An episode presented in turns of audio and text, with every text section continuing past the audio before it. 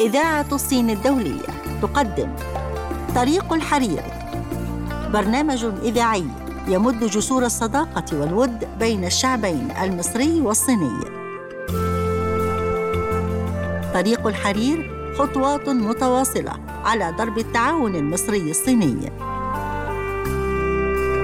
طريق الحرير فقرات منوعة نعرض فيها الثقافة والسياحة والاقتصاد والعادات والتقاليد في مصر والصين. طريق الحرير الصين بعيون مصرية مستمعينا الأعزاء أهلا ومرحبا بكم في حلقة جديدة من برنامجكم طريق الحرير في طريق الحرير نلقي الضوء على العلاقات المصرية الصينية عبر العصور المختلفة. طريق الحرير الثقافة والاقتصاد والمجتمع والسياحه والفنون. جوانب ترابط لا تنتهي ومظاهر حضارية تاريخية. طريق الحرير طريق ممتد بين الحضارة الصينية والمصرية. في طريق الحرير نلقي الضوء على كل الجوانب المشتركة بين البلدين. كل هذا فقط في طريق الحرير. ومعكم في التقديم محمد العربي وإيمان مصطفى.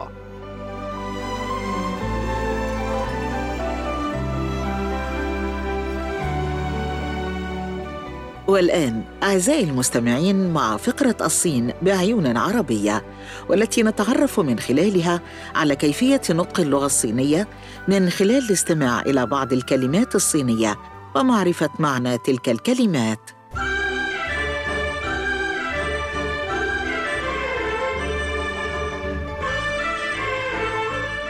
يقول المثل الصيني لا تقف بجانب النهر وتأمل في الحصول على سمك. عد لبيتك واصنع شبكة صيد. والذي يعني باللغة الصينيه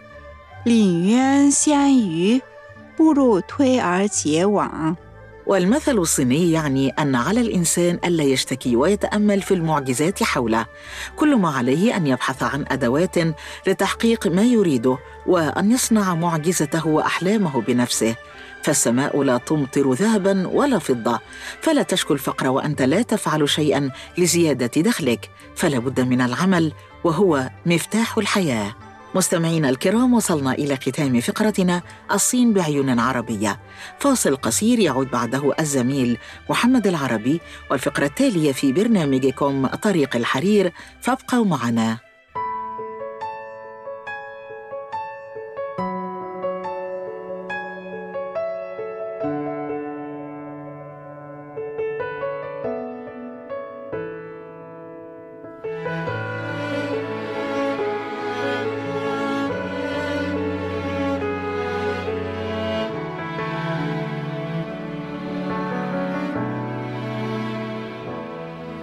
你说蓝色是你最爱的颜色，你说如果没有爱，那又如何？怎么了？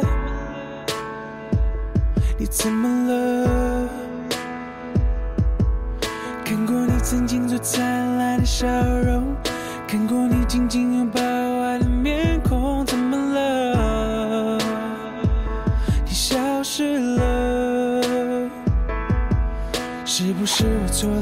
错了，体会了，雨下着，你望着，你走了，都回不去了，像从前快乐。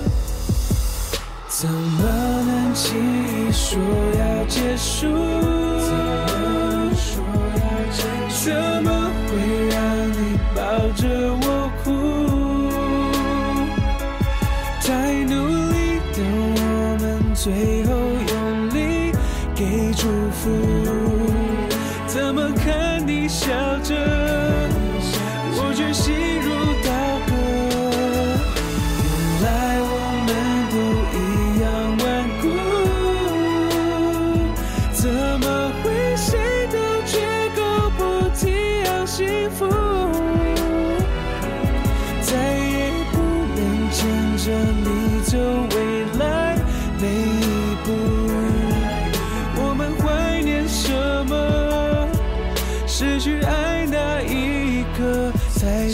مرحبا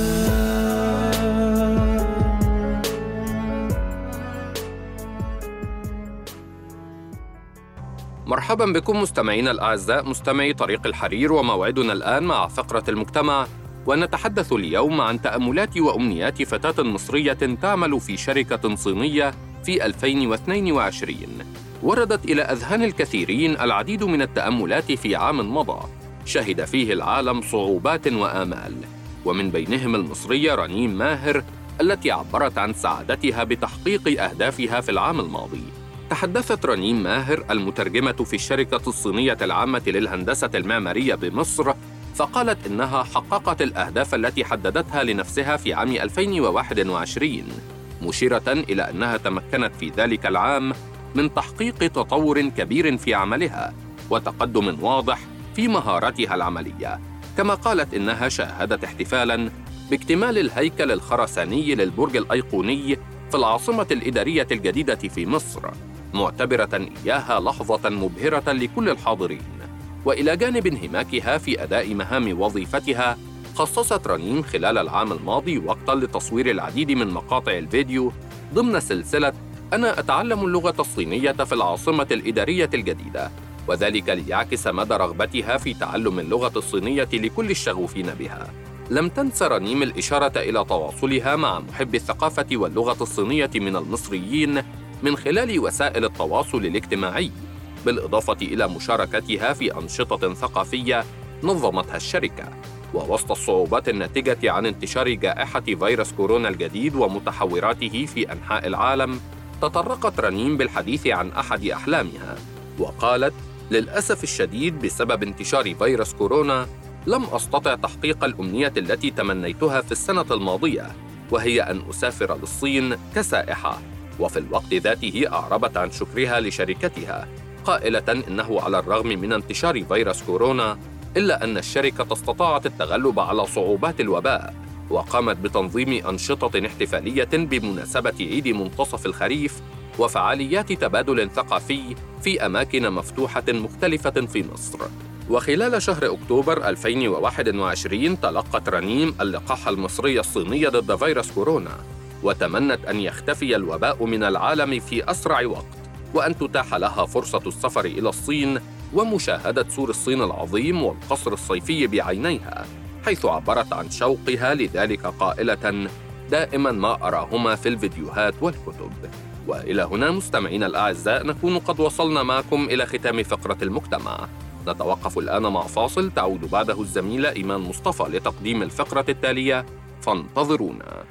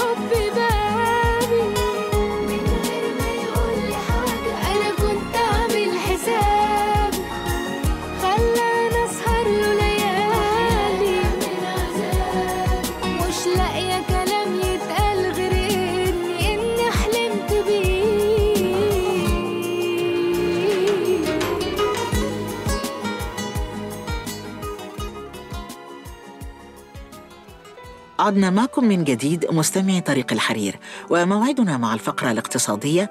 واليوم نتحدث عن خدمات التوصيل السريع في الصين تحقق إيرادات تزيد عن 1 تريليون يوان خلال عام 2021 حسب البيانات الصادرة عن مكتب البريد الوطني الصيني فإنه من المتوقع أن تبلغ إيرادات أعمال التوصيل السريع في الصين إلى 1.4 من 100 تريليون يوان بزيادة قدرها 18% وأن يبلغ حجم السلع 108.5 مليار قطعة بزيادة تقدر ب 30% وهو ما سيمكن من توفير أكثر من 200 ألف وظيفة جديدة وتحقيق مبيعات تجزئة عبر الإنترنت بقرابة 11 تريليون يوان. واستعانت خدمات التسليم السريع خلال عام 2021 بأكثر من 130 طائرة شحن وما يزيد عن 1500 خط حديد عالي السرعة و28500 مركبة خطوط رئيسية عالية السعة.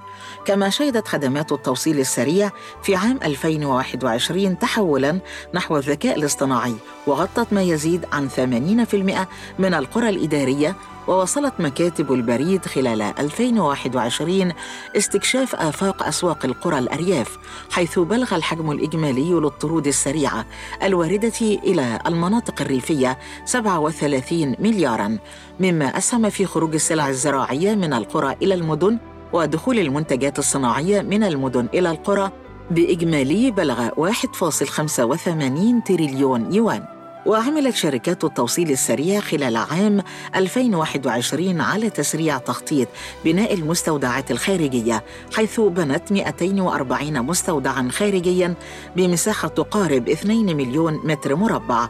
ووصلت الصناعة الاهتمام بمفهوم التنمية الخضراء حيث أجرت مكاتب البريد معالجة خاصة ومتعمقة للمعادن وأكياس التغليف والتعبئة المفرطة والتعبئة العشوائية والتلوث البلاستيكي.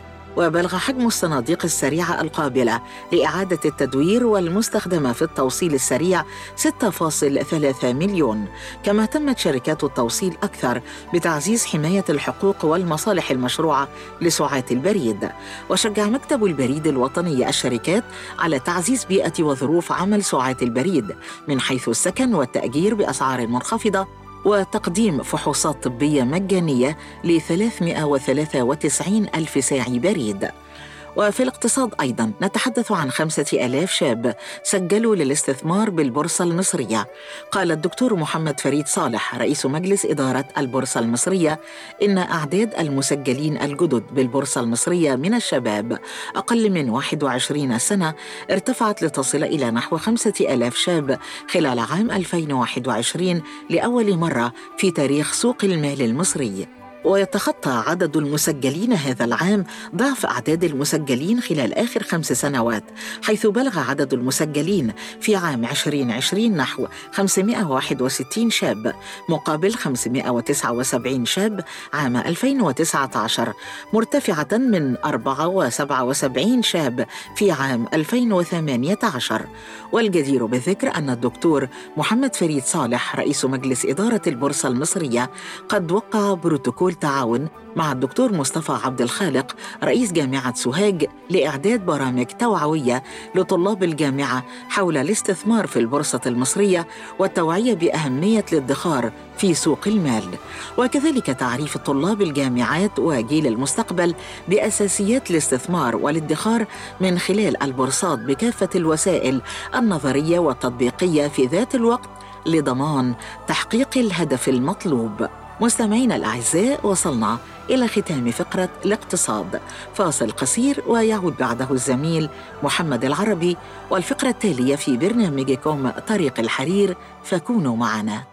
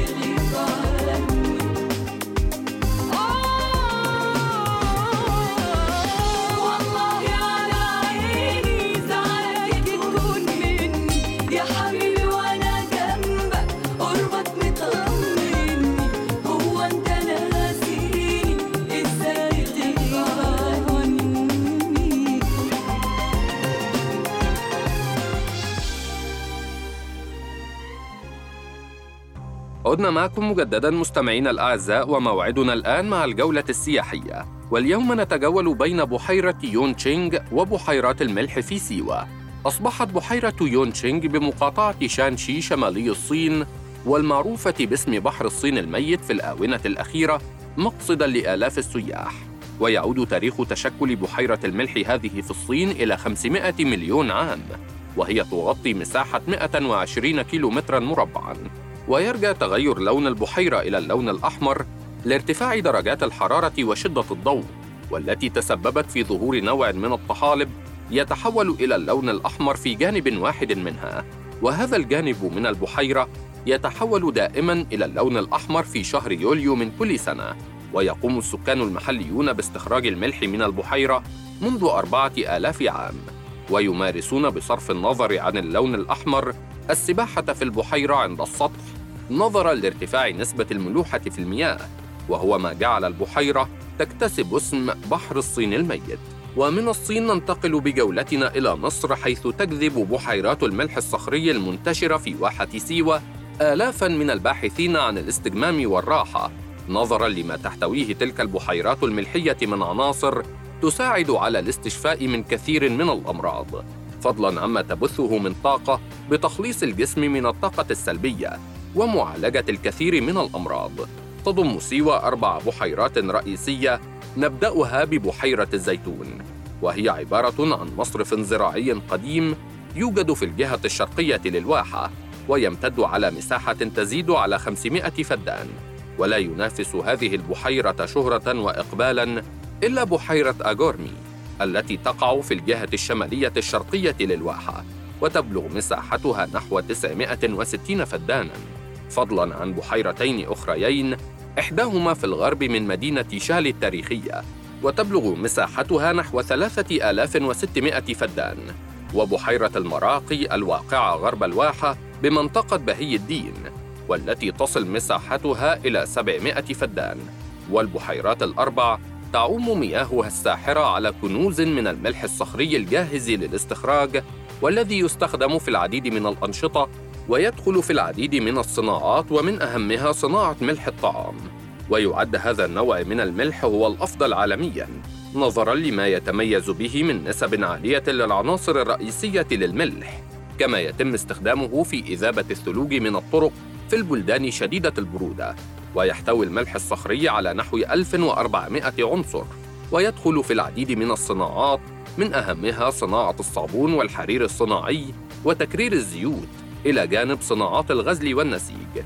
تكونت هذه البحيرات في منخفض سيوة بفعل عوامل جيولوجية ضربت المنطقة خلال ملايين السنين. وترجح العديد من الدراسات الجيولوجية أن بحراً كبيراً كان يمر منها لكنه جف ليخلف وراءه تلك الواحة الغناء.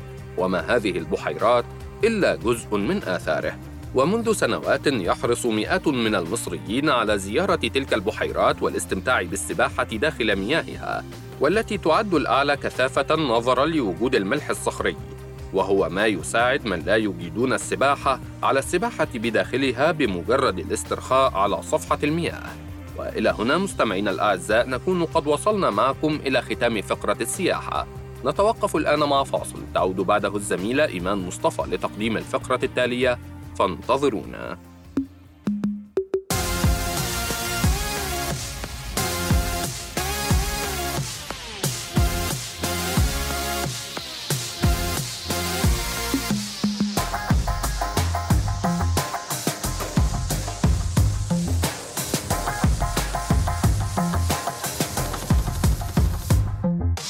حافظك عن غايب في سمعلك إذا بدك شو بتفكري انت؟ في أحكي لك أحلامك في أتذكر أنا حتى قبل كيف عشت حافظك عن غايب. عن غايب في سمعلك إذا بدك شو بتفكري انت؟ في أحكي لك أحلامك في أتذكر أنا حتى قبل كيف عشت مكشوف عني الحجاب لكل شي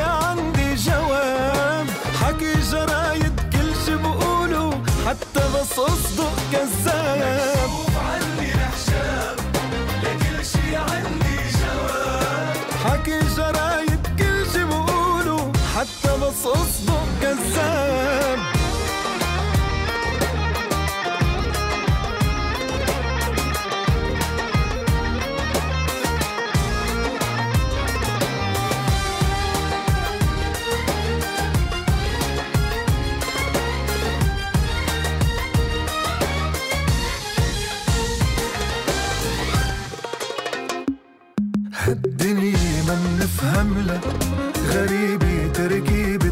عقلها ما بتنكشف بالهين مكتوبة بحبر سري صعب ينقرا دغري وبده وقت ليبين. هالدنيا ما منفهم لها غريبة تركيبة ما بتنكشف بالهين مكتوبة بحبر سري بحبر سري. صعب ينقرا دغري وبده وقت ليبين.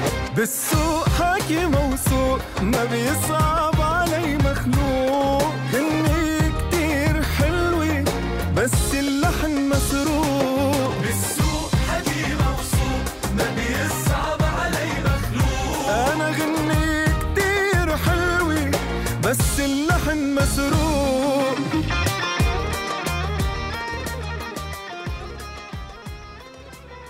مرحبا بمستمعي طريق الحرير ومع فقرتنا الثقافية وفيها. نتحدث عن المكتبة الوطنية الصينية.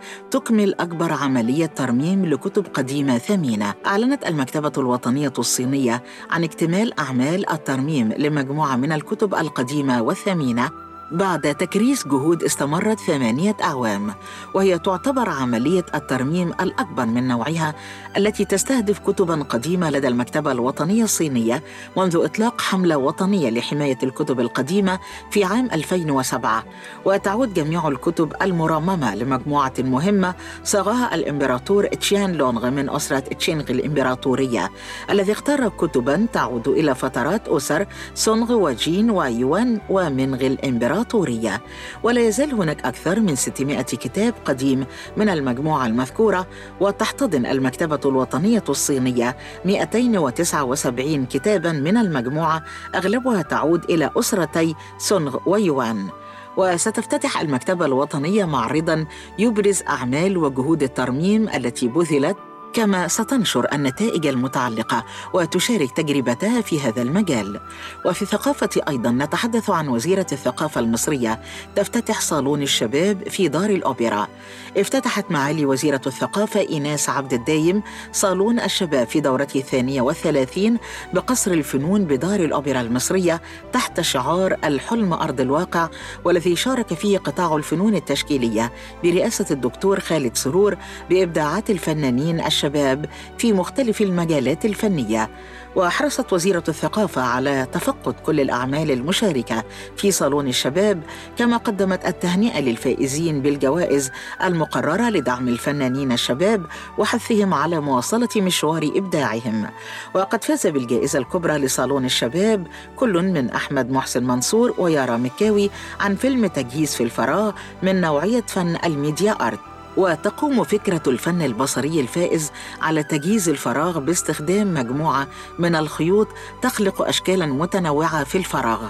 وقال أحمد محسن منصور إنه لم يكن يعلم بفوزه بالجائزة إلا بعد حضوره إلى قصر الفنون حيث وضعت لافتات تشير إلى الأعمال الفائزة قبل الافتتاح مباشرة.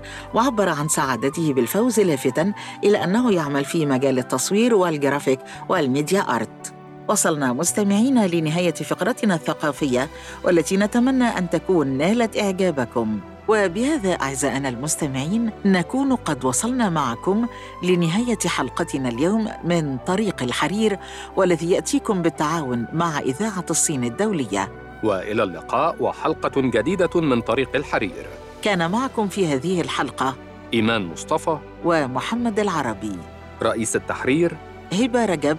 فريق الإعداد ولاء العقاد. ومنى حسن. إخراج وليد إمام.